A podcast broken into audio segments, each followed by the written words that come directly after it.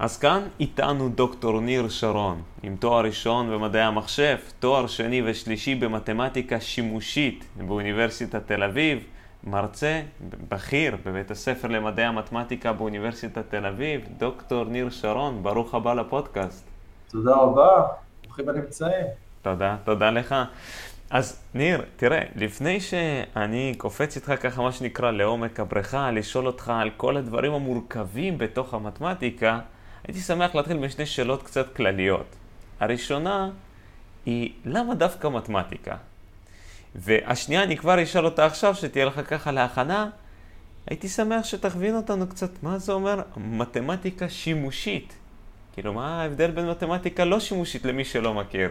כן, אז אה, זה שאלות מאוד טובות. אז מתמטיקה, נדמה שכולנו מכירים, כי כולנו חווינו את זה במהלך התיכון.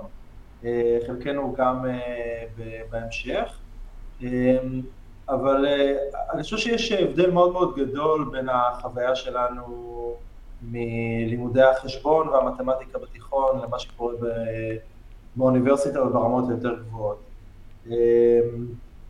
הגישה הופכת להיות הרבה יותר מופשטת והרבה יותר חשיבתית, ובמובן מסוים זה ממש, ממש מקצוע אחר ממה שאנחנו מכירים עד אז.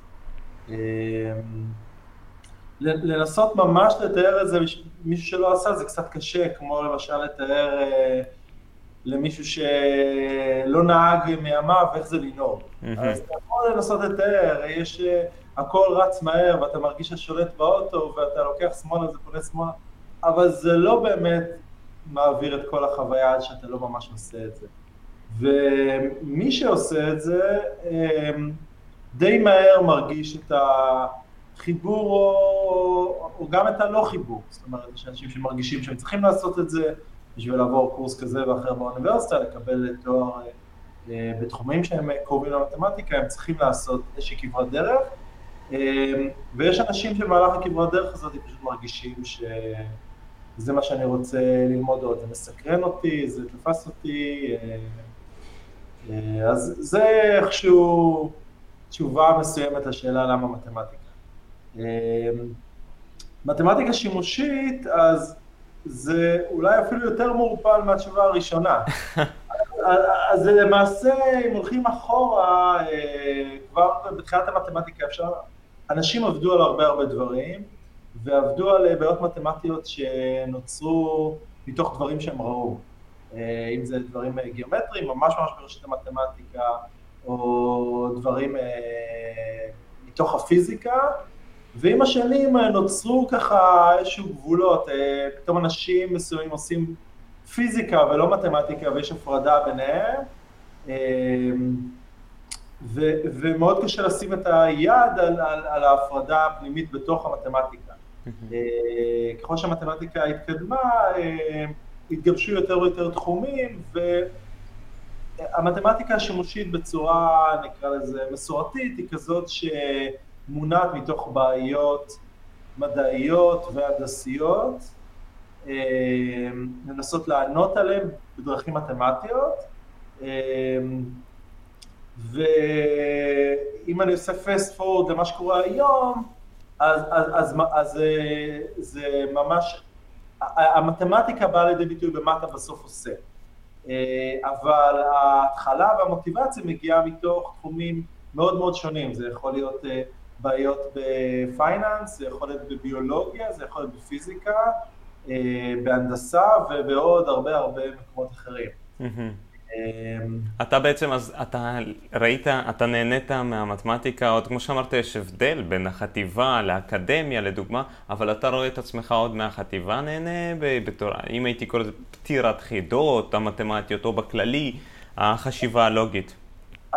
אז כן, היה, היה לי איזשהו חיבור עם התחום כבר מגיל מאוד מאוד צעיר, אבל אה, אני חושב שאם אה, נגיד שמת את החטיבה כנקודת ציון, אם היית מדבר איתי בתחילת החטיבה, כנראה שהייתי אומר לך שדווקא הביולוגיה זה התחום שאני יותר אוהב. הבנתי. אז אה, זה זו, איזשהו שלב שבו אתה מתעניין בהרבה הרבה נושאים, הרבה דברים מדברים אליך, ואני חושב שהסקרנות והרצון לידע זה מה שאולי מאפיין אנשים שאחרי זה ממשיכים באקדמיה, אחד הדברים שמאפיינים. בנקודה הזאת ממש, בגיל ממש ממש צעיר, אז אני לא בטוח שברמת המודעות שלי למה שאני רוצה ללכת זה היה דווקא מתמטיקה. אתה ציינת שמתמטיקה שימושית היא, היא ככה שזה פעם היה גם פיזיקה או חלק בלתי נפרד מפיזיקה ושזה לא באמת משהו כמו שאפשר לשים את האצבע בתוך המתמטיקה, זה מתמטיקה שימושית, זה לא, כי אני חושב לעצמי, אמרתי לעצמי, אוקיי, אם זה מתמטיקה שימושית שמשתמשים, אז מה זה מתמטיקה, אולי קוראים לה עיונית או לא שימושית שהיא ה... אה, כן, כן. אז אה, כיום זה ההפרדה שאנחנו עושים, זה הכותרת. כן. אז אה, חשבתי לעצמי... גם מתמטיקה עיונית, הרבה מהמתמטיקה שימושית היום מגיעה מתוך מתמטיקה עיונית, ואני גם בטוח שאם נסתכל על זה עוד 50 שנה, יהיו המון המון תחומים שבהם דווקא המקומות של מתמטיקה עיונית, אה, יהיה להם השפעה מאוד גדולה על יישומים ועל חיי יום-יום. אמ, אני כמעט מנסה להחזיק את עצמי כדי לא לקפוץ מהר קדימה לכיוון הנושאים האחרים, שאנחנו מדברים כאן על מתמטיקה שימושית וגם על העתיד, שאני מתאר לעצמי שעם קדמת הטכנולוגיה וקדמת. גם ככל שאנחנו חוקרים יותר, אנחנו יכולים להטמיע יותר את השפה המתמטית, הייתי אפילו אומר את זה ככה, בתוך זה. ואם אני גם, יצא לי להבין את זה קצת נכון, כי ציינת כלכלה, ציינת שאהבת בכלל ביולוגיה בהתחלה, שיש איזשהו סוג של התבוננות על מתמטיקה כדרך לפתרונות הבעיות בצורה מופשטת, אה, לא מופשטת, יותר כאילו פשוטה, איך על הנייר כביכול. כן, אז, אז אה, פה זה גם העליה וגם הקוץ בה. אז, אז באמת אה, יש ניסיון לקחת את הכלים המתמטיים בשביל להסביר תופעות אה, מסובכות מבחינה מתמטית, והרבה פעמים מה שאנחנו עושים, בגלל שהתופעות הן מאוד מאוד מסובכות, אז אנחנו נוטים אה, לפשט דברים. אה, ואת הדברים היותר פשוטים, מודלים יותר פשוטים, אנחנו מנסים להסביר לעצמנו בצורה הכי מדויקת שאנחנו יכולים, באיזושהי מחשבה שכשנבין אותם, אז, אז נדע גם להשליך חלק מההבנה הזאת לדברים, מה שקורה באמת. אה, זה, זה, זה בעצם מידול, זה, זה כל העניין של מידול, מידול מדעי באופן כללי. אה, אז, אז באמת כשאנחנו עושים את זה, מעבירים את זה לנייר כביכול, במתמטיקה, אז אנחנו עוברים איזה פאזה מסוימת שאנחנו נמצאים בעולם טיפה אחר. ובעולם הזה כבר הדברים פועלים בצורה מאוד אידיאלית, ושם אנחנו מנסים, מנסים להבין את זה ככל שאנחנו יכולים בעזרת הכלים שיש לנו. כן, זאת אומרת להקדים את, אה, את מה שקורה בשטח בצורה כזאת או אחרת. אמ, כן, יש גם את ההיבט הזה, זאת אומרת, אה, אני חושב שאחד הדברים באמת אה, המדהימים שיכולים לקרות לך זה שאתה תחזה דברים על הנייר ותבדוק אותם אחרי זה בשטח. עכשיו, בשטח זה באמת יכול להיות ליטרלי בשטח, אבל זה גם יכול להיות מבחינה נומרית, שאתה... אה, תחזה שאיזשהו חישוב מסוים יוציא משהו, פלט A ולא פלט B, ואז תיקח את המחשב שלך ותעשה סימולציה, ובאמת תראה שזה מוציא פלט, פלט A. אה, ייתן לך איזושהי תמיכה מאוד מאוד חזקה במה שאתה עושה. אוקיי, באמת מה שקורה. שכמו שאם אני ככה גם uh, קצת מהחקר שעשיתי לפני השיחה הזאת, ראיתי שגם אחד מתחומי המחקר והעניין שלך זה מה שמוגדר מתמטיקה של מיקרוסקופ אלקטרונים, נכון? Mm-hmm. ואני, יצא לי לשמחתי לראות קצת תמונות של מיקרוסקופ אלקטרונים, וזה אחד הדברים היוצאים מן הכלל, שזה מדהים.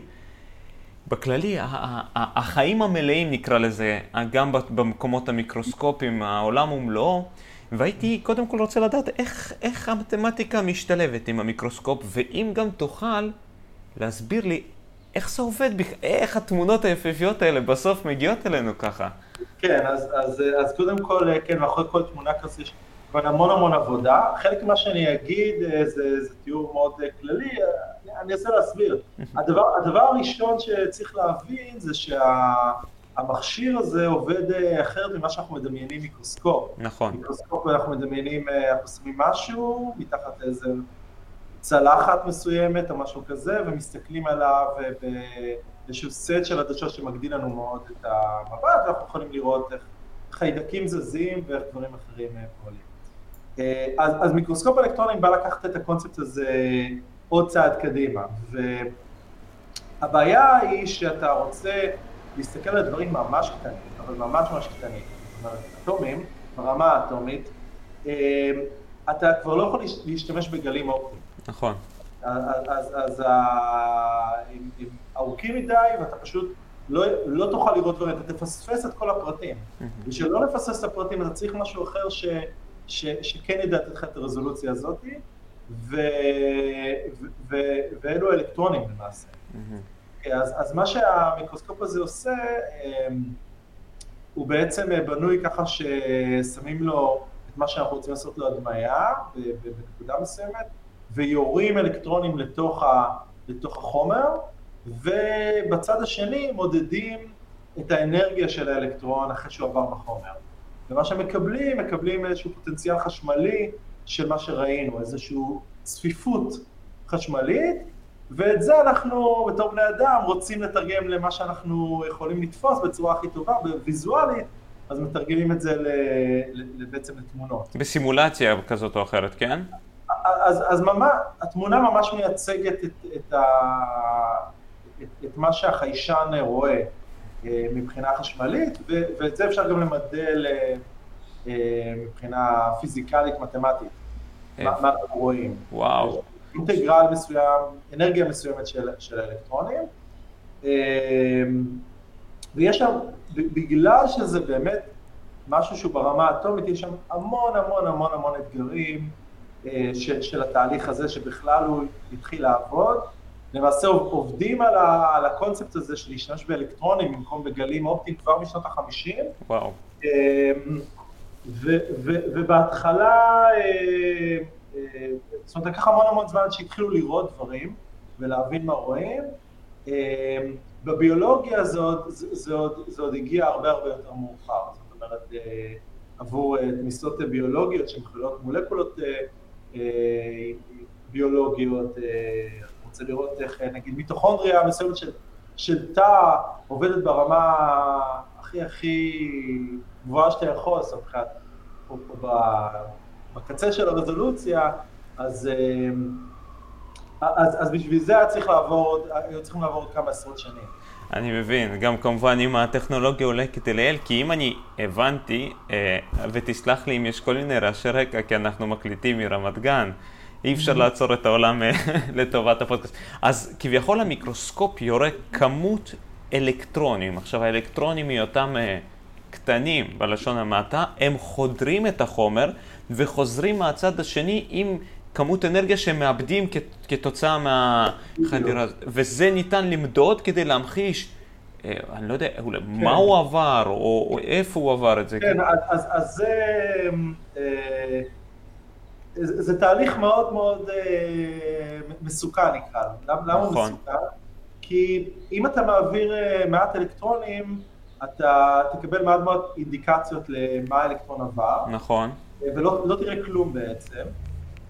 ואם אתה תעביר הרבה הרבה אלקטרונים, מה שיקרה, אתה פשוט תטגן את החומר שלך. נכון. אתה, אתה תהרוס אותו לגמרי, תפרק את כל הקשרים החשמליים שלו. Mm-hmm. כי אלקטרונים משפיעים על האטומים, אנחנו יודעים. נכון. אז, אז, אז מה שקורה, אתה צריך לעשות שני דברים. אתה צריך להעביר כמות מאוד מאוד מסוימת, שלא תהיה קטנה מדי ולא תהיה גדולה מדי, ומצד שני גם אתה צריך לקלוט את, את, את, את הקרן הזאת שאתה, שאתה משדר, לקלוט אותה ממש בהתחלה, עוד לפני שהיא מתחילה לחמם, להרוס את הקשרים החשמליים ולעשות את כל, את כל התופעות הפיזיקליות שהיא עושה, להזיז את, ה, את, ה, את המולקולות ולעשות דברים כאלה. כן. אז, אז יש ממש איזשהו זמן מאוד קצר, זה סנפשוט מאוד מאוד קצר, שאתה יכול להסתכל ובאמת לקבל אינפורמציה שאפשר לעבוד איתה. זהו, כי אם אני חושב לעצמי, זה, דרך אגב, זה מתבצע בוואקום, בריק כביכול?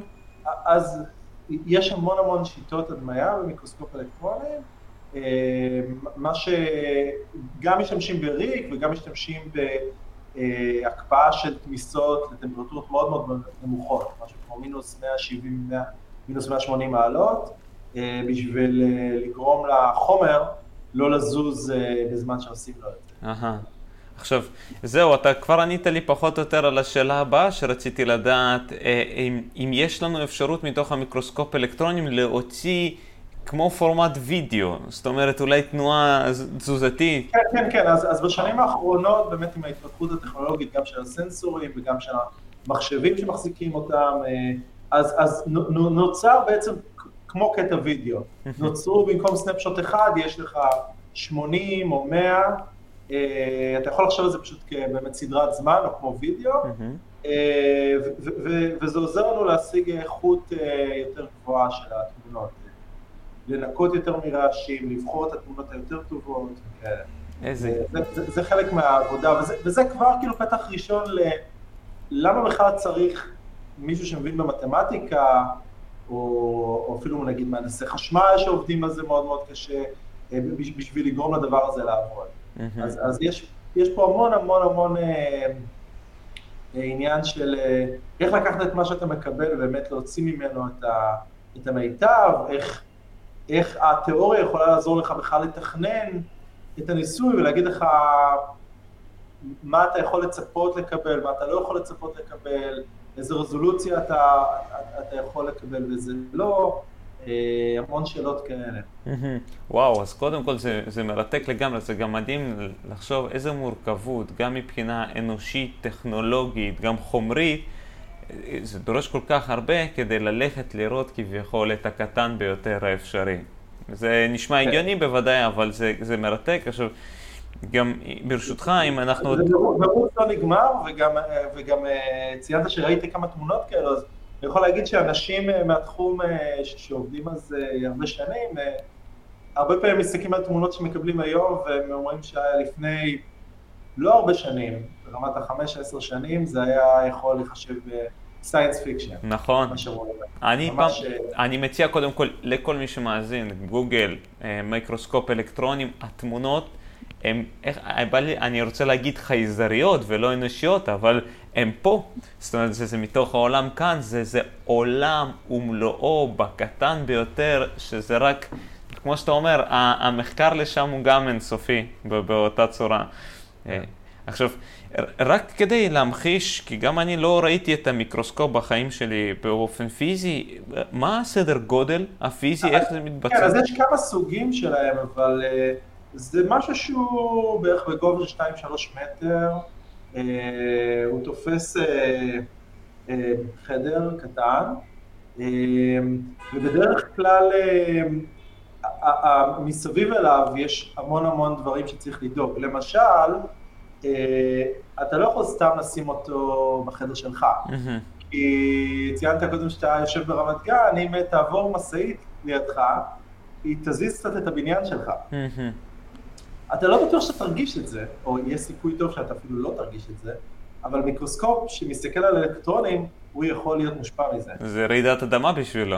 כן, בדיוק, בדיוק. אז, אז אה, בדרך כלל המיקרוסקופים האלו הם, אה, הם כלים גם מאוד מאוד יקרים, ולפני בכלל ששמים אותם יוצרים חלל מתאים, בניין שהוא מיועד לדבר הזה, הם בדרך כלל יושבים בתוך האדמה, אה, בבניין שרחוק מכמה שאפשר מכבישים ראשיים, אה, בתוך, אה, בתוך מה שאפשר לדמיין אותו כמו הריסה, mm-hmm. שיושבת בתוך מקלט כזה ומבודדת אותו כמה שיותר. אבל תזוזות אה, טבעיות של כדור הארץ, או שיש אזורים שפשוט זה כל כך מינימלי, ש... כי אני יודע, בוודאי כמו שיש לנו רעידות אדמה, אה, ו... כן, רעידות אדמה בטח משפיעות, אבל, כן. אבל אה, כן, דבר, בסופו של דבר יש, יש גם דברים שהם לא בשליטתנו, ויש פרמטרים שנצטרך להתגבר עליהם. נכון. בכל בפועל. אז, אז, אז עושים את מה שאפשר שהוא, שהוא ברמת ה... נגיד ש, ש, שניתן לעשות אותו בצורה סבירה. כן.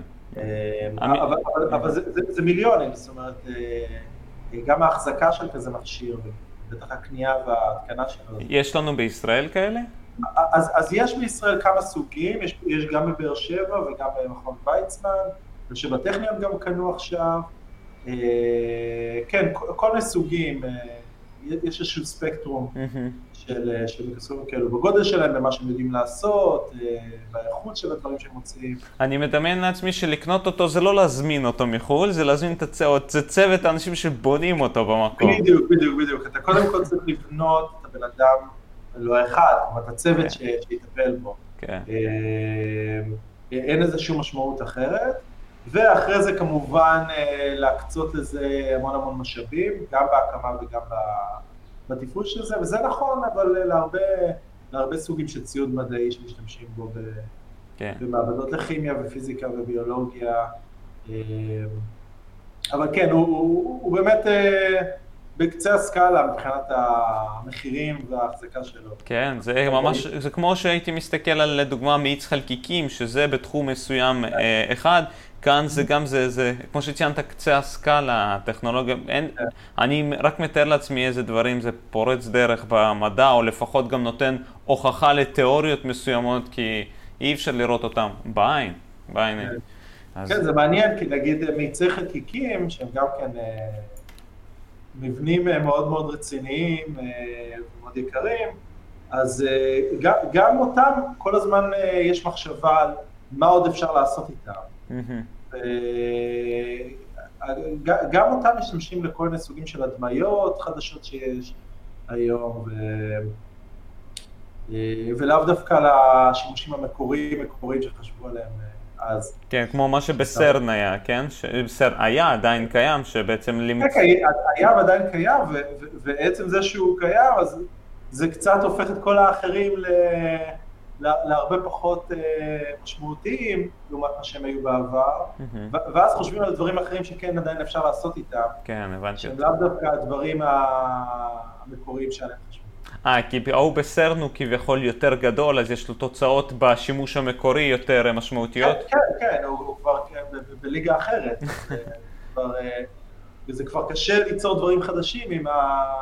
באותו נושא, עם ציוד יותר ישר. כן, בטח, חד משמעית. זה... השלב הבא הוא לעשות אולי משהו, אולי פי שתיים, פי שלוש, פי ארבע, אבל אני לא יודע אם על כדור הארץ זה כבר אה, מחוץ כן, אליו, או כן, שזה פרי אה, דמיון.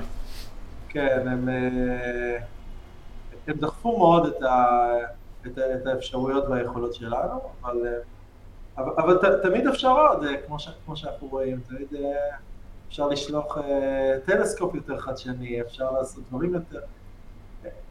אין, אין גבול, כל, כל עוד הסקרנות האנושית מסתובבת חופשי, אה, אין גבול לזה. כן, אני לא, זה כמו שנגיד, אם אנחנו מסתכלים על התרחבות היקום של הטבעית, שכבר בקצה, כביכול הקצה הנראה לעין, הוא מתרחק מאיתנו כבר במהירות שהיא מעל מהירות האור. זאת אומרת, ככל שאנחנו, זה, ככל שאנחנו מרחיבים בתחום מסוים, אנחנו מגלים שיש יותר באותו התחום או תחומים נוספים, ויותר ויותר, וזה כביכול נחשף עוד יותר בכמות שאנחנו יכולים להגיע. אה, תראה, במתמטיקה אני עוד לא יודע להיכנס איתך למונחים המדויקים ותתקן אותי בבקשה שאני כן אדע, אבל האין סוף הוא לא נקודה שאפשר כביכול להצביע עליה, ו...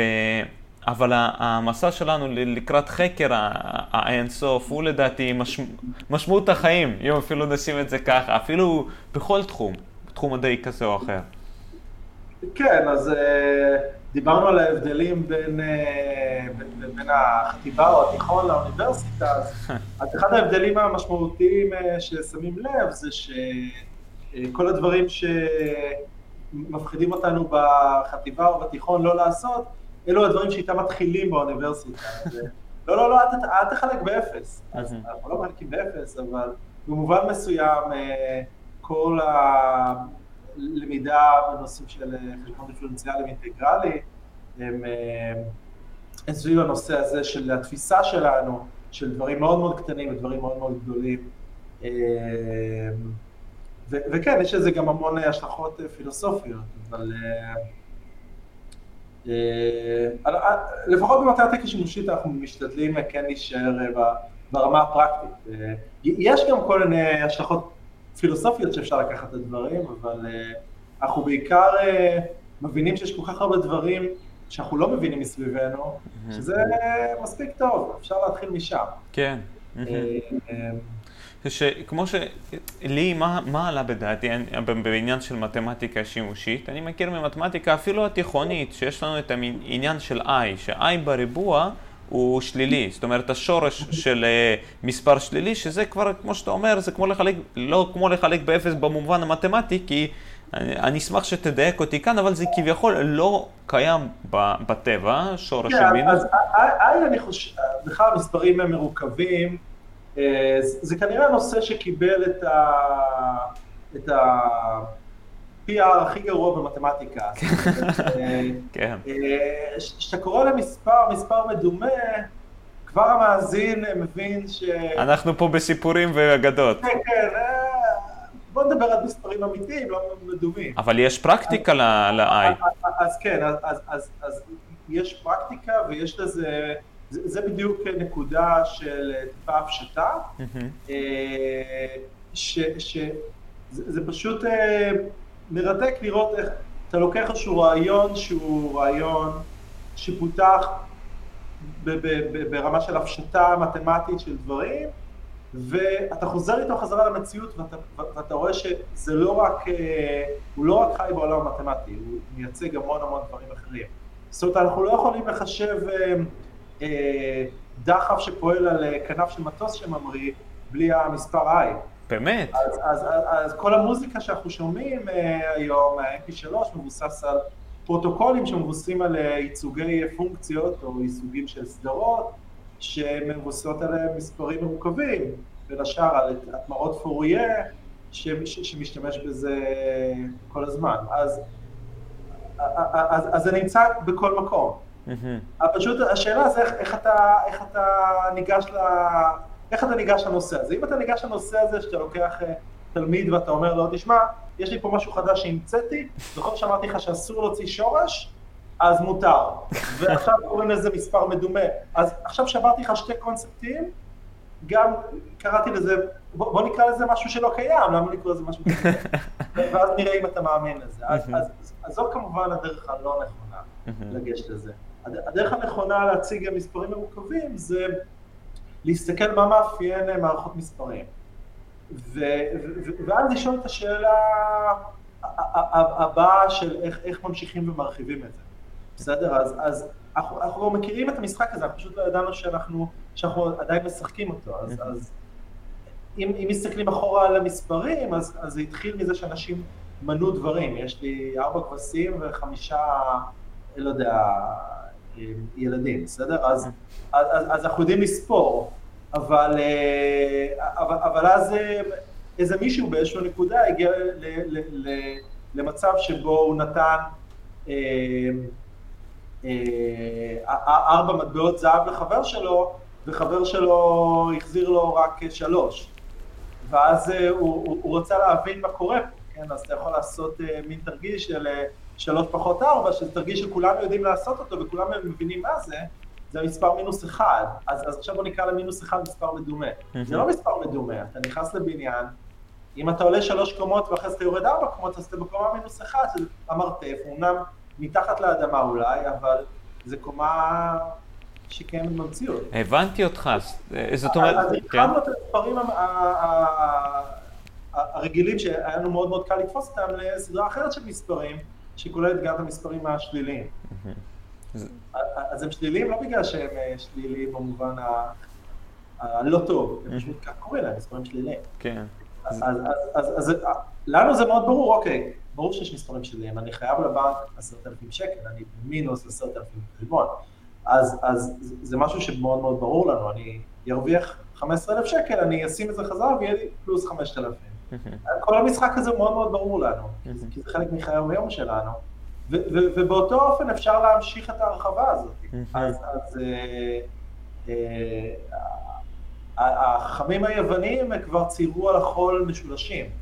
מאוד מאוד בקלות, כן? ואתה יכול לצייר משולש ישר זווית, שכל אחד מהניצבים הוא באורך אחד, ולצייר על החול את היתר, ולשאול מה האורך של היתר. אז האורך של היתר הוא... שורש 2, לא? שורש 2. אז מה זה שורש 2? מה זה המספר הזה? נכון.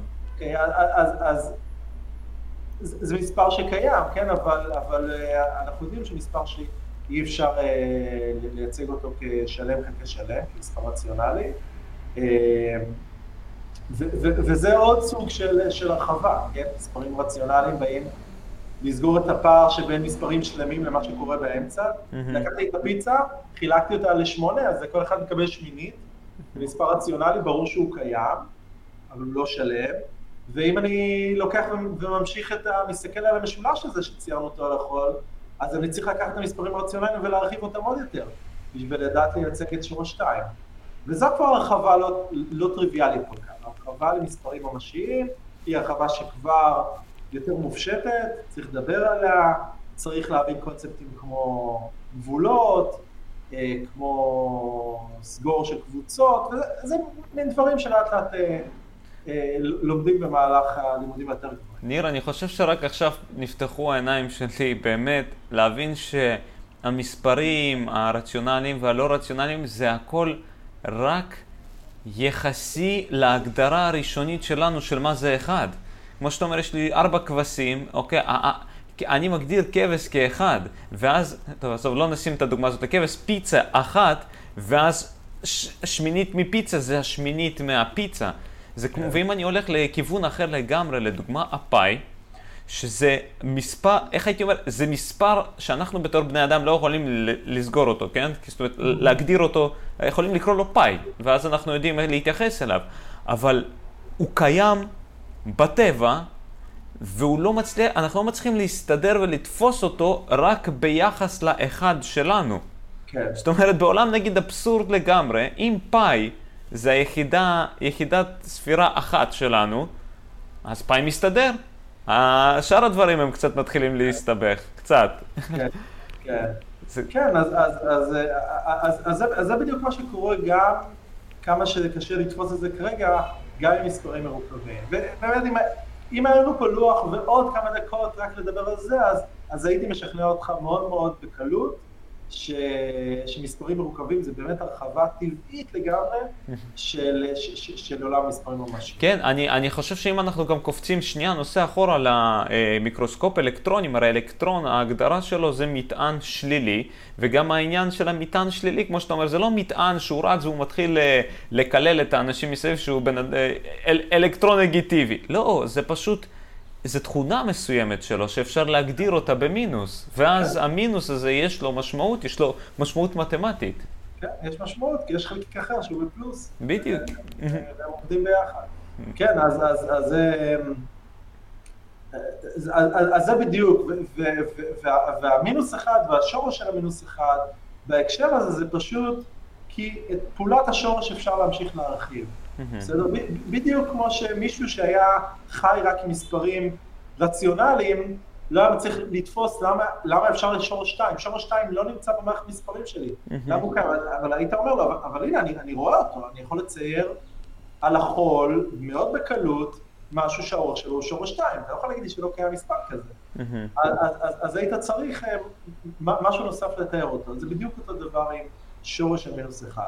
בסדר? אנחנו פשוט שורש היא פעולה קצת קצת מסובכת, ומה שאנחנו מכירים כשורש, מה שאנחנו לומדים בבית ספר, זה בעצם איזשהו בראנץ' מסוים של הפעולה הזאת, איזשהו חלק מסוים של הפעולה הזאת, והחלק הזה לא יודע לעשות שורש של מינוס אחד כמו שאנחנו למדנו. כן. אבל, אבל פשוט אנחנו מסתכלים דרך אה, חור מאוד מאוד קטן, ופשוט צריך להסתכל על כל התמונה, ואז הכל ברור. באמת החור הקטן הזה זה אבסורד, והבעיה שככה מלמדים אנשים, גם מאוד מאוד אינטליגנטים, גם בגיל שהם יכולים לתפוס מאוד מאוד טוב, יש להם חשיבה לוגית טובה, ופתאום מבלבלים אותם ואומרים להם משהו שלא מסתדר להם. אה, וזה ככה, לצערי, עובר כחוט השני הרבה מאוד אה, בהשכלה הבסיסית שאנחנו נותנים לילדים שלנו במסגרות הראשונות. כן, אני יכול להציע אלטרנטיבה שאת השנים הראשונות בבית ספר היסודי אולי הילדים יוכלו לעבור באקדמיה. אז כן, אני יכול להגיד, אה, להעיד על עצמי, שלשמחתי אה, יצא לי להיחשף למתמטיקה הגבוהה בגיל מאוד מאוד מאוד צעיר, ואני חושב שבמובן מסוים זה מה שגרם לי לראות את התחום כמו שהוא ולהימשך אליו כל כך. אז... אה, זה, זה, זה היה, זה הפך את הכל ליותר קשה, אבל אבל גם, גם יותר, יותר נקי ויותר נכון בחשיבה של ילד. כן. כי הנכון, הנכון בסופו של דבר, תראה, הוא מוביל אותנו הרבה קדימה. אנחנו, כל המסע לדעתי של האדם הוא מחקר אחר מה נכון, מחקר אחרי מה האמת, להצליח להגדיר את הקיים, להגדיר תופעות, ל- למצוא את האמת. זה בדרך מדעית או כזאת או אחרת. זה כן. זה היה סך הכל הכנה לדעתי כדי לענות על השאלה הראשונה, מה הביא אותך למתמטיקה. אז ניר, אז הייתי, אם כבר אנחנו, הייתי שמח להיכנס איתך קצת לתוך, נקרא לזה עומק המתמטיקה, כי יש כמה מונחים שהם מילים מרתקות, אבל אני לא יודע לתפוס ולהבין מה זה אומר. נגיד, יש לנו אנליזה הרמונית שימושית. כן. עכשיו, אני מבין שיש דברים שהם מחוץ לשיווי משקל, הרמוני, לא, אני קצת כן, כן, הלכתי לאיבוד אה, שם. כן, כן, אז, אז זה קצת, אה, קצת מבלבל, ולא תמיד גם השמות, אה, אה, למי שלא למד אותם, מבין את התמונה. כן, ידידותיים כל כך, אתה אומר. כן, ידידותיים, בדיוק. אז, אז אנליזה הרמונית זה תחום ש... הוא תחום כבר די ותיק, שמתעסק, אפשר להגדיר אותו בכל מיני אופנים, אבל בדרך שבה אנחנו מייצגים פונקציות. צריך להגיד מה זה פונקציות, אז, אז, אז יש לנו אובייקטים מסוימים, והאמת שזה גם לא חייב להיות פונקציות, זה יכול להיות דברים, גם דברים אחרים. אנחנו רוצים בעצם לקחת איזשהו אובייקט מסובך ולפרק אותו לאיזשהו אבני בניין בסיסי. Mm-hmm. זה במובן מסוים המהות של, של אנליזה הרמונית. אה, ואנחנו עושים את הכל כמובן מתמטית. Mm-hmm. מגדירים על איזה אובייקטים בדיוק אנחנו עובדים, בדיוק מה התכונות שלהם, מה, מה יודעים להגיד עליהם, מה לא יודעים להגיד עליהם, ועכשיו משתמשים רק במידע שאנחנו יודעים להגיד עליהם בשביל להתחיל לפרק אותם ולהבין ממה הם בנויים. אמ, נתתי קודם את הדוגמה של, אה, של המוזיקה שאנחנו שומעים, אז, אז, אז זה בדיוק זה. אוקיי? אם, אם אני יודע לקחת uh, סדרה ש, של ביטים שמייצגת לי מוזיקה, ו, ואני יודע להבין מה הם אבני הבניין היסודיים שלהם, אני יודע להגיד כל מיני דברים כמו איזה בלוק שם אפשר להסיר והחומה הזאת עדיין תישאר במקום. אוקיי? זאת, זה, זה מה שנקרא תחיסת מידע. אוקיי? איזה מידע אפשר להסיר ועדיין להישאר עם משהו מספיק איכותי ביד, או מספיק, או, או לגמרי אותו דבר, או, או, או משהו מספיק דומה. אמ, נגיד בפרוטוקולים האלו של, של, של ה... של המוזיקה אה, הבינו שיש תדרים מסוימים שאנחנו שומרים אותם במחשב שלנו, אבל אנחנו לא באמת צריכים אותם. Mm-hmm. אפשר פשוט להסיר אותם, ואז לשמור את אותה מוזיקה עם הרבה פחות מקום. אתה ואנחנו מתבוננים על זה מתמטית? זאת אומרת, אתה יודע באופן מתמטי מה אתה יכול להסיר, או אתה חייב את האלמנט האנושי בצורה כזאת או אחרת? אז, אז, בדוגמה של המוזיקה כמובן אנחנו צריכים להבין מה אנחנו יודעים לשמוע, בשביל לדעת מה, מה אפשר להסיר, אבל, אבל בעצם מתמטית, אז, אז אנחנו קובעים כל מיני קריטריונים. אוקיי, אז, אז, אז קריטריון למשל שאומר שיש לך אובייקט מסוים, ואתה, סוג מסוים של אובייקטים ואתה צריך להגדיר מרחקים ביניהם. צריך להכניס קצת, אה, זה מה שנקרא גיאומטריה לתוך, לתוך המשחק שלך. וכשאתה יודע להגדיר, סליחה, מרחקים בין אובייקטים, אז אתה יכול להגיד כל הדברים כמו, אני מוכן לייצג את האובייקט הזה כל עוד אני לא מתרחק מהמקור שלי מרחק מסוים. לדוגמה GPS, לשם דוגמה שהוא מנתח, אה, כמו שאתה אומר, באופן גיאומטרי נקודות, והוא אומר, אוקיי, אני צריך להגיע מ-A ל-B, ויש דברים שאני, הוא כאילו מבטל דברים אחרים. אז, אז ב-GPS, אם אין אתה נגיד GPS, אז, אז, אז אולי בכיוון טיפה אחר, בכיוון שבו אתה אומר לעצמך, יש לי איזושהי רמה מסוימת שאני, של טולרנס, של דיוק שאני מוכן אה, לקבל.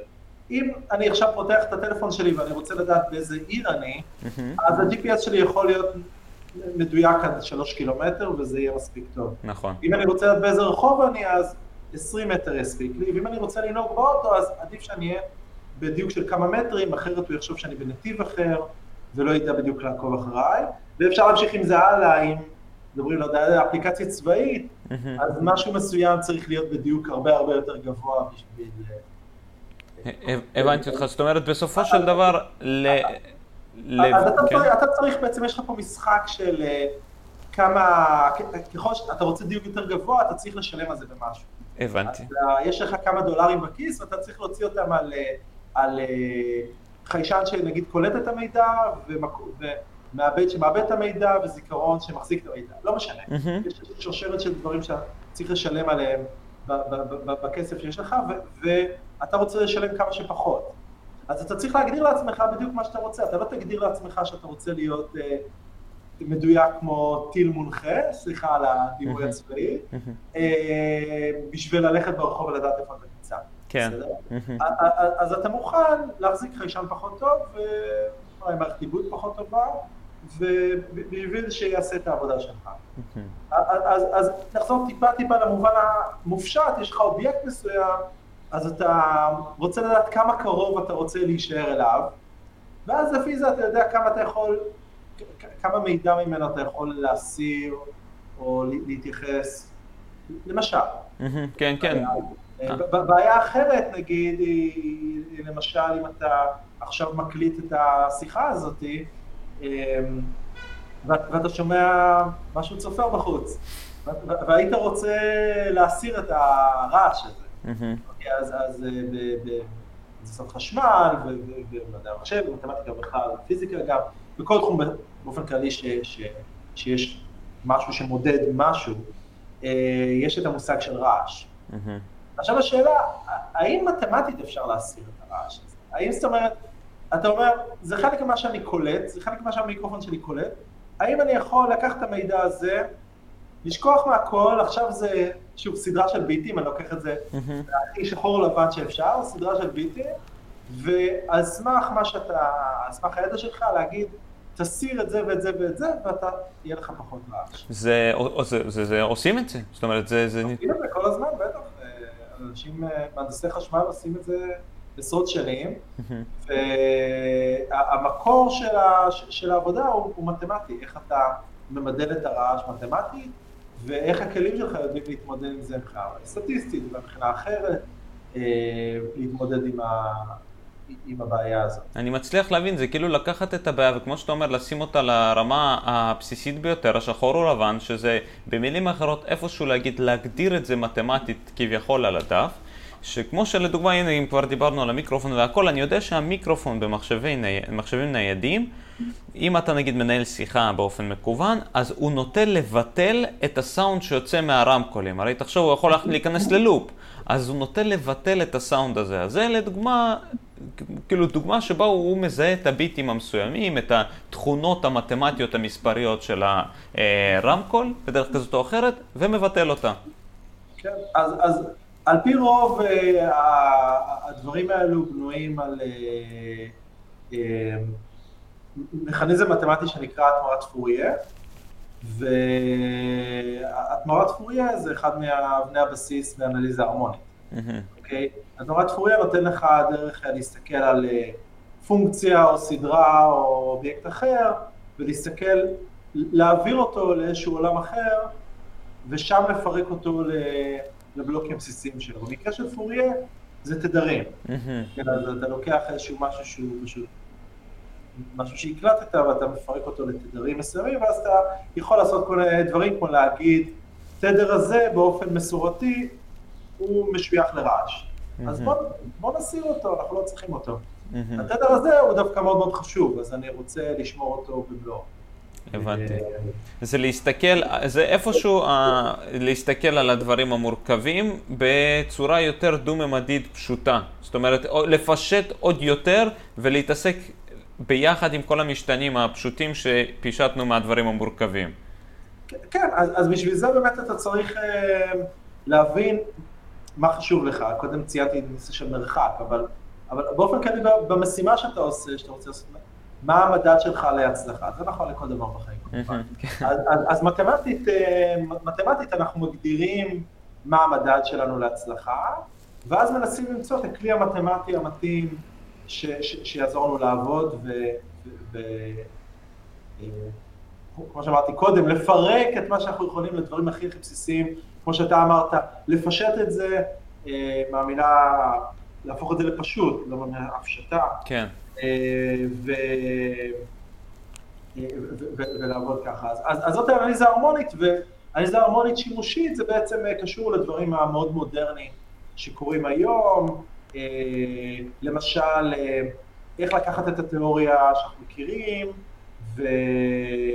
ו... ולהבין אותה על גרפים. גרפים זה איזשהו מבנה מאוד מאוד חשוב, במדעי המחשב ובהנדסה ובכלל במידול של דברים, אנחנו מסתכלים נגיד על רשתות חברתיות ויכולים למדל את זה כגרף. אני קשור אליך כי אני חבר שלך ברשת חברתית מסוימת. אמ, והשאלה אם אפשר לעשות עכשיו את כל המשחק עכשיו שאמרתי, לקחת מוזיקה ולפרק לתדרים, אתה מאוד מבין. אבל מה זה לקחת רשת חברתית שבה אני ואתה חברים, ולפרק אותה לתדרים? מה זה אומר התדרים שם? והאם אפשר להשתמש בתדרים שם בשביל לעשות את אותו דבר? אולי אתה התחברת לאנשים שלא היית רוצה להתחבר והיית רוצה לנקות את הרשת שלך במובן הזה. אולי אה, היית רוצה להבין אה, מה המבנה הגלובלית של רשת החברים שלך.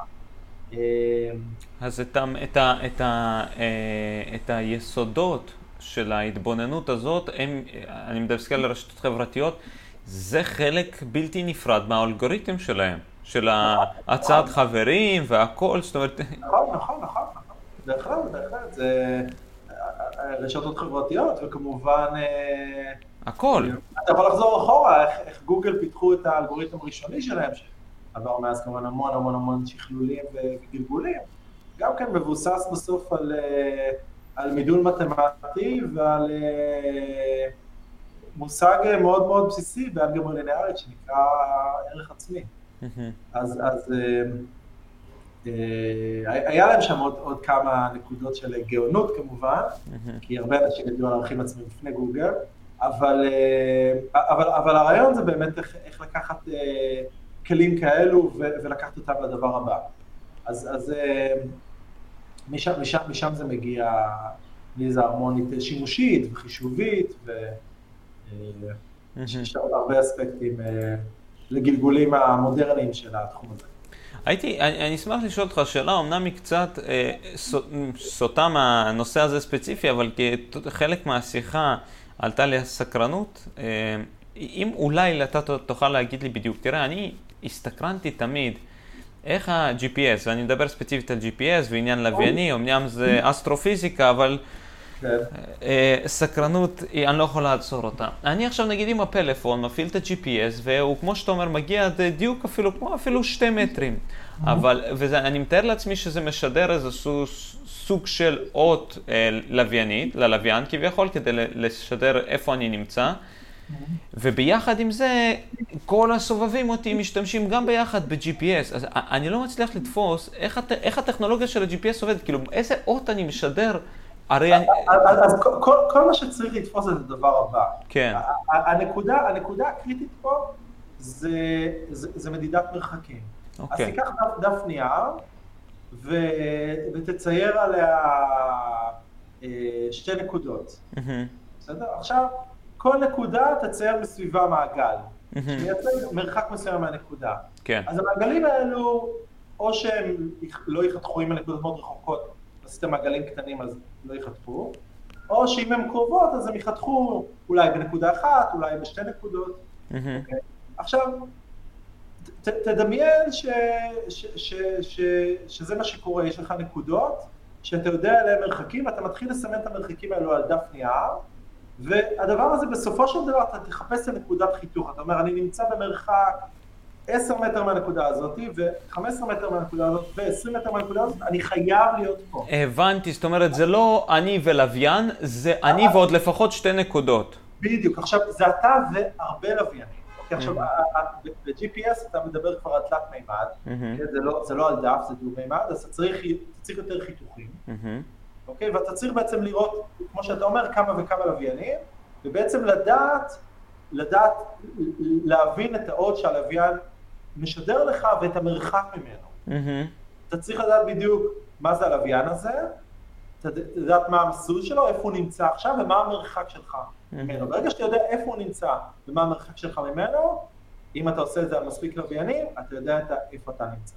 עכשיו, עכשיו, הדיוק הזה, שוב, תחזור רגע לדף, אתה סימנת מעגל, נגיד שסימנת את זה עם עיפרון, ונגיד שהעיפרון לא כל כך מחודד.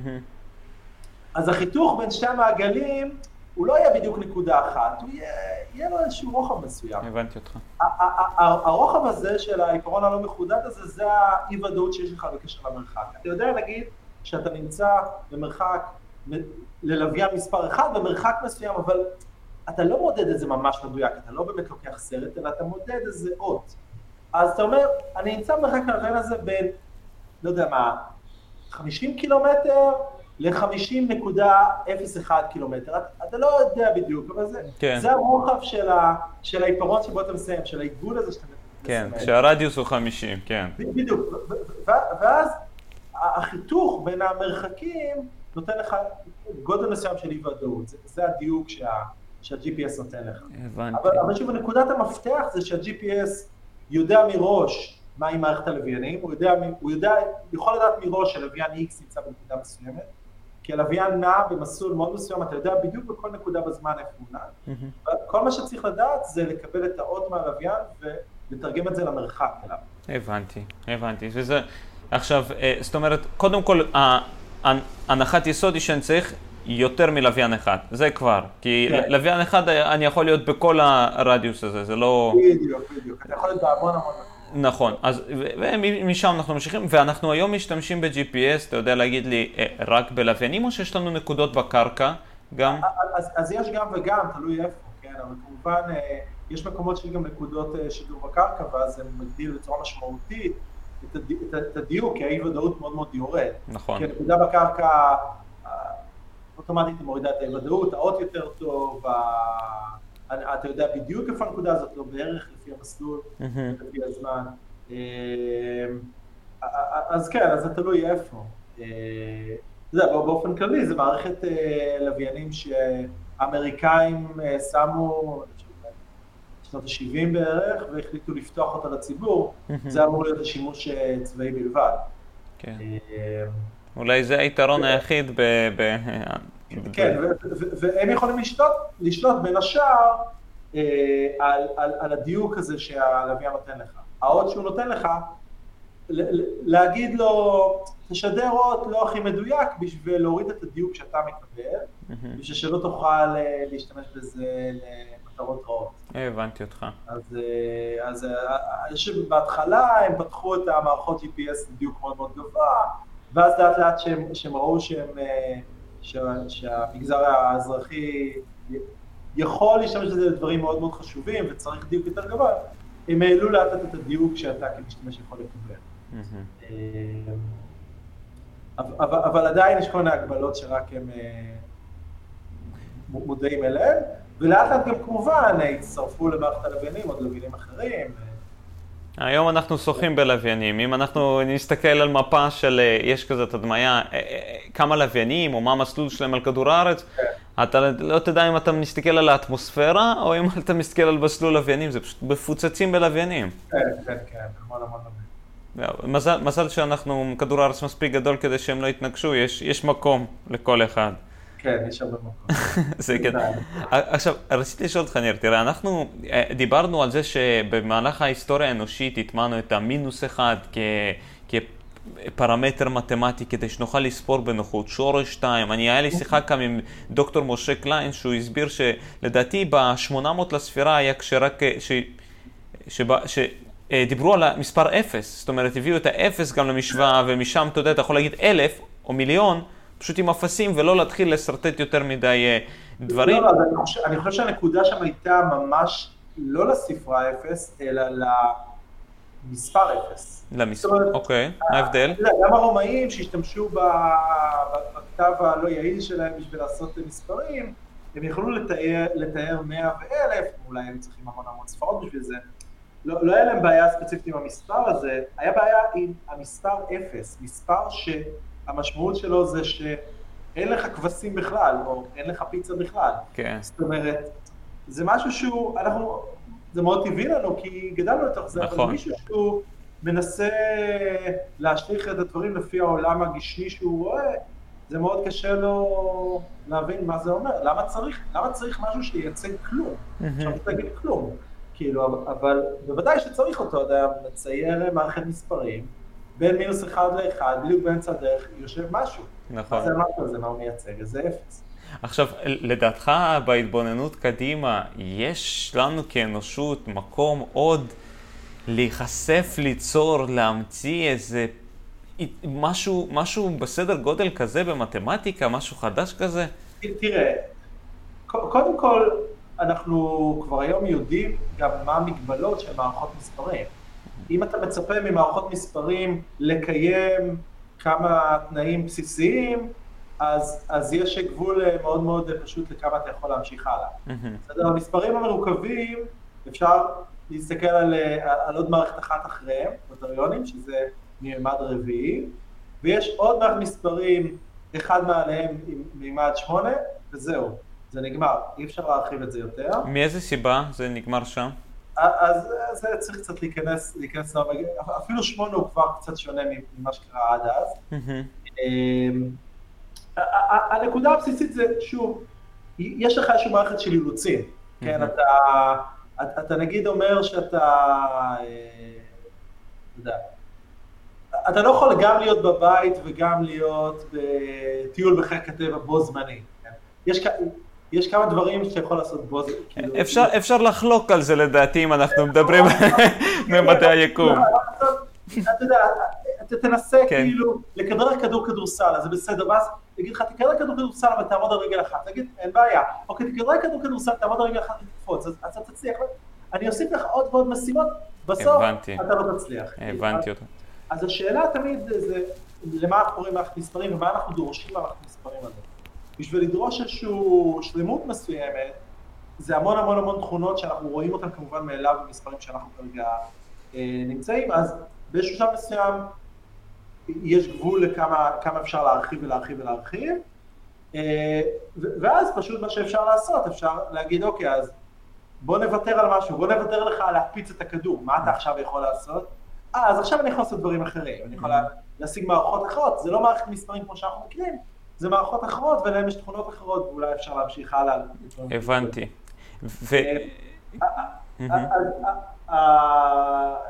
בהחלט יש מקום לפריצות דרך והם עוד יקרו, אבל הם, הם, הם לא יקרו במקומות שבהם אנחנו מבינים עד הסוף מה קורה. הבנתי. הבנתי, זאת אומרת, משם הם הפריצות דרך, אחרת היינו צופים להם מתי הם הגיעו. כן, כן, כאילו חלק מהיופי ספציפית במתמטיקה העיונית, זה ש...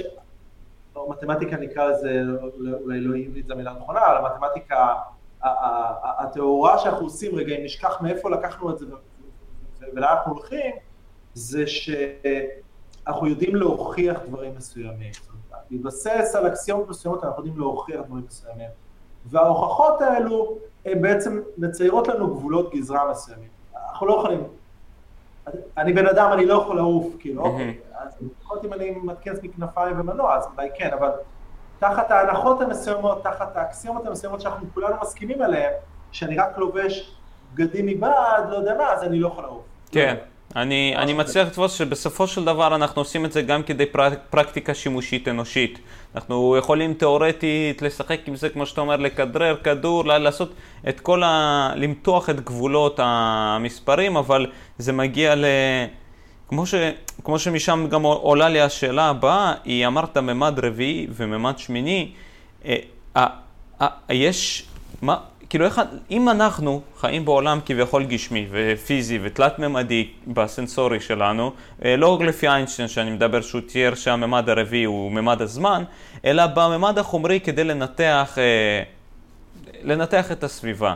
עכשיו, יש, אני מכיר שיש את העניין של הממד אה, הרביעי, שכמו שאם אנחנו לוקחים משהו שהוא תלת-ממד, הצל שלו הוא דו-ממד, אז תאורטית אני יכול להבין שהממד הרביעי, הצל של הממד הרביעי הוא תלת-ממד. אבל איזה פרקטיקה יש ברעיון הזה, אם זה מעבר לקיום, לפחות הנצפה, החי, היומיומי? אז פשוט, העניין הוא להשתמש במונח הזה של מימד למקומות שהם לאו דווקא מה שאתה חושב עליהם. Mm-hmm. אז, אז אנחנו יודעים להגדיר אה, בצורה ריגורוזית מה זה מימד, ואז אנחנו יכולים אה, לדבר על, על ממדים מאוד מאוד גבוהים, וזה לאו דווקא דברים שאתה לא רואה, זאת אומרת,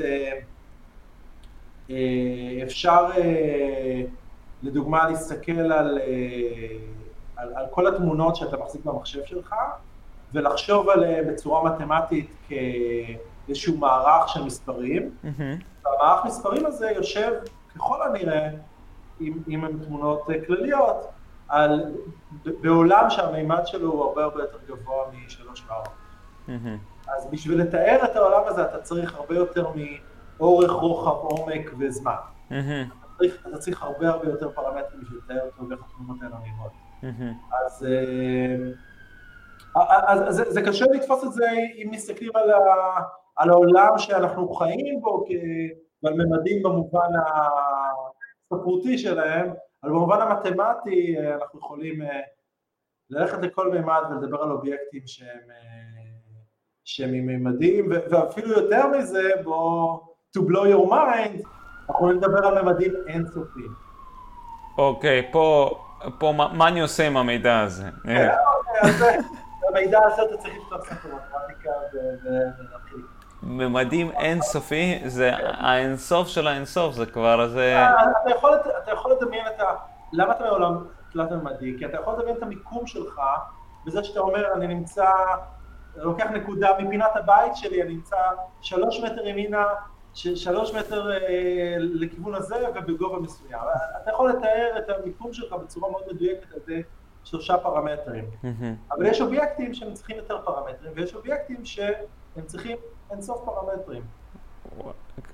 זה, אתה יודע לאן זה מביא אותי? זה מביא אותי לשאלה שפעם הייתה לי, אני, אני לא הצלחתי להבין אותה. אני יודע שיש משוואה שנקראת אה, משוואת הכאוס, אם אני לא טועה. עכשיו, אני, אני אשמח בהזדמנות זו לשאול אותך, אני קורא את המשוואה, את השם שלה, ואני אומר, כאוס לדעתי זה הדבר האחרון שאתה יכול למדוד אותו, זה המהות שלו, שהוא כאוטי. איך, מה, מה, זה, מה זה משוואת כאוס? כן, אז, אז יש, אה, שוב, העניין זה לחזור חזרה ולנסות להסביר מה זה סדר. אוקיי. מה זה דברים מסודרים, אז אתה יכול לחשוב על דברים שיושבים על איזשהו גריד כמו במחברת משבצות, אז במחברת משבצות זה מאוד מסודר, ואז אתה יכול לחשוב על דברים שהם, אה, לא יודע, ערימה של דוקים שאתה זורק אותם והם מפוזרים בחדר. אז, אז, אז הדבר הזה, אם אתה בונה את הכלים נכון, אתה יכול לאט לאט להבדיל ביניהם, לתת מדד כמותי של כמה הדבר הזה הוא מסודר, או כמה, בצד השני כמה הוא לא מסודר. אה, הבנתי, זה בעצם משוואה למדידת אה, כאילו מידת הכאוטיות של אה, משהו. אז, אז כן, יש כמה משוואות כאוס שונות, אבל בגדול הן מדברות על, על, על, על, על אי הסדר ואיך האי הסדר מתפתח, נגיד, ביחס לזמן או ביחס למערכת מסוימת וכאלה. הבנתי. אני, אני יותר יצא לי לתפוס את התמונה הכללית. אז לשאלתי האחרונה, ניר, אני אשמח מכל המתמטיקה לבוא לבן אדם שמתוכו, ובאמצעותו השיחה הזאת, אני יוצא למציאות כרגע עם התבוננות אחרת. זה אני חייב לציין את זה כבר כאן. אה, הייתי שמח לשאול אותך, גם, אתה יודע, במסלול החיים הטבעי שלך, אה, כן, בתור דוקטור ניר שרון, היו לך במסלול מורים, היו לך אנשים שהובילו אותך, הייתי שמח ש... תגיד לי, אתה, אמרת מגיל צעיר אהבת את המתמטיקה, אבל ללא ספק, איך אומרים, אה, כשהתלמיד מוכן, המורה מגיע. ומי מי היו המורים אצלך בדרך, ומה הערכת, מה שינה אצלך וקידם אותך באמצעותם?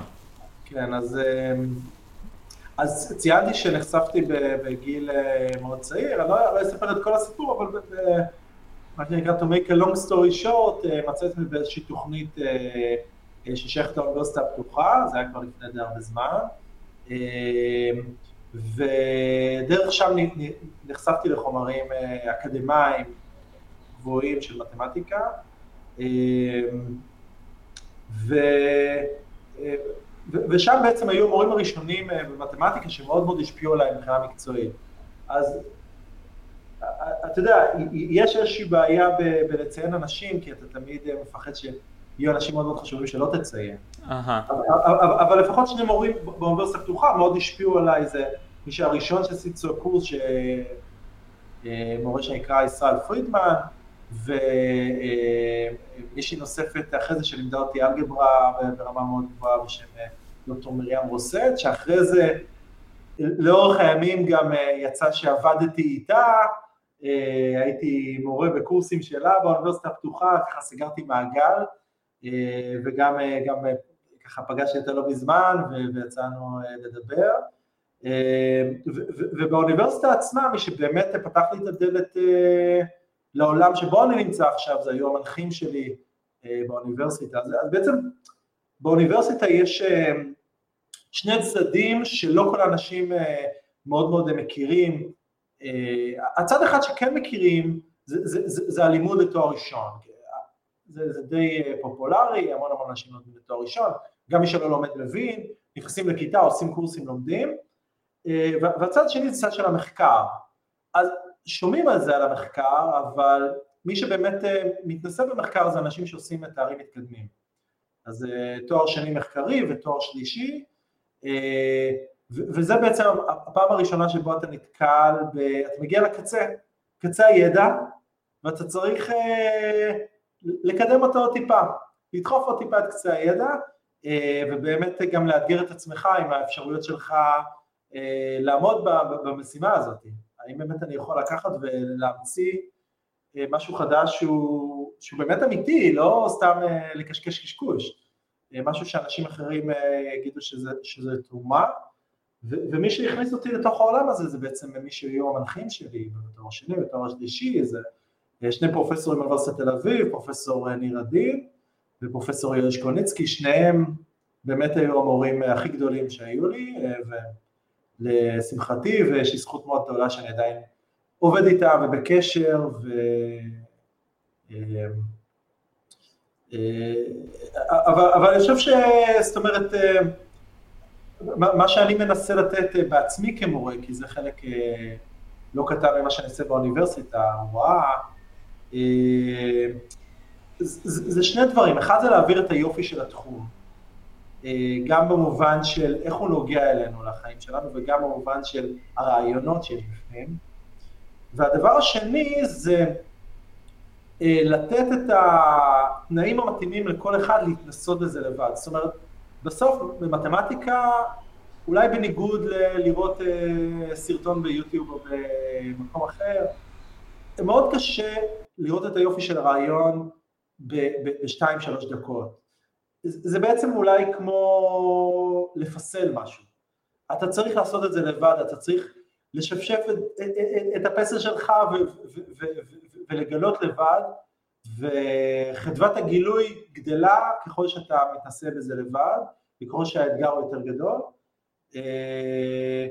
וזה אני חושב משהו שאם הייתי צריך להעביר הלאה גם לתלמידים שלי וגם אולי למורים אחרים למתמטיקה שאולי ישמעו את זה, זה, זה, זה לתת לתלמידים את היכולת כן לעבוד קשה בעצמם. Mm-hmm. להעביר אותם עד נקודה מסוימת, לתמוך בהם, אבל לא לקחת אותם יד ביד. Mm-hmm. לתת להם מנקודה מסוימת, ללכת לבד, לעשות את הצעדים של עצמם לבד, ורק ככה הם באמת יראו את היופי של, של התחום הזה. אתה יודע, זה, זה מאוד עמוק, כי ממה, ממה שאני שומע, וכמו שאמרנו קודם, עם האנליזה ההרמונית, אם אני מפשט את זה יותר בסיסי, ציינת שתי דברים, שהדבר הראשון, אתה בא להציג את הלמה.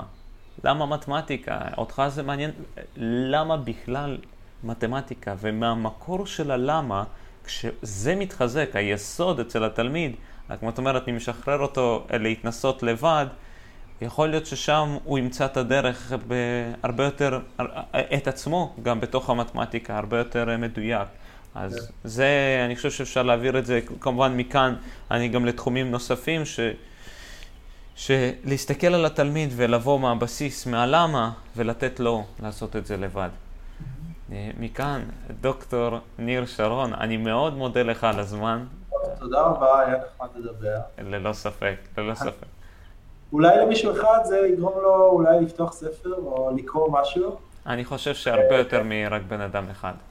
כן, וחשוב להגיד שזה נתפס כתחום מאוד מאוד קשה, אה, עם רף כניסה מאוד מאוד גבוה, וזה לא שזה לגמרי שקר, אבל כן יש רעיונות שאפשר לה, להבין אותם גם בלי לפתור משוואה עם עשר נעלמים, או למצוא את עצמך מתוסכל מול, מול דף נייר מסוים, ולא צריך להיות גאון בשביל זה, צריך להבין שיש רעיון מאחורי זה. וברגע שמבין שזה רעיון ושיש לו יופי, אז גם הדברים האחרים עוברים יותר בקלות.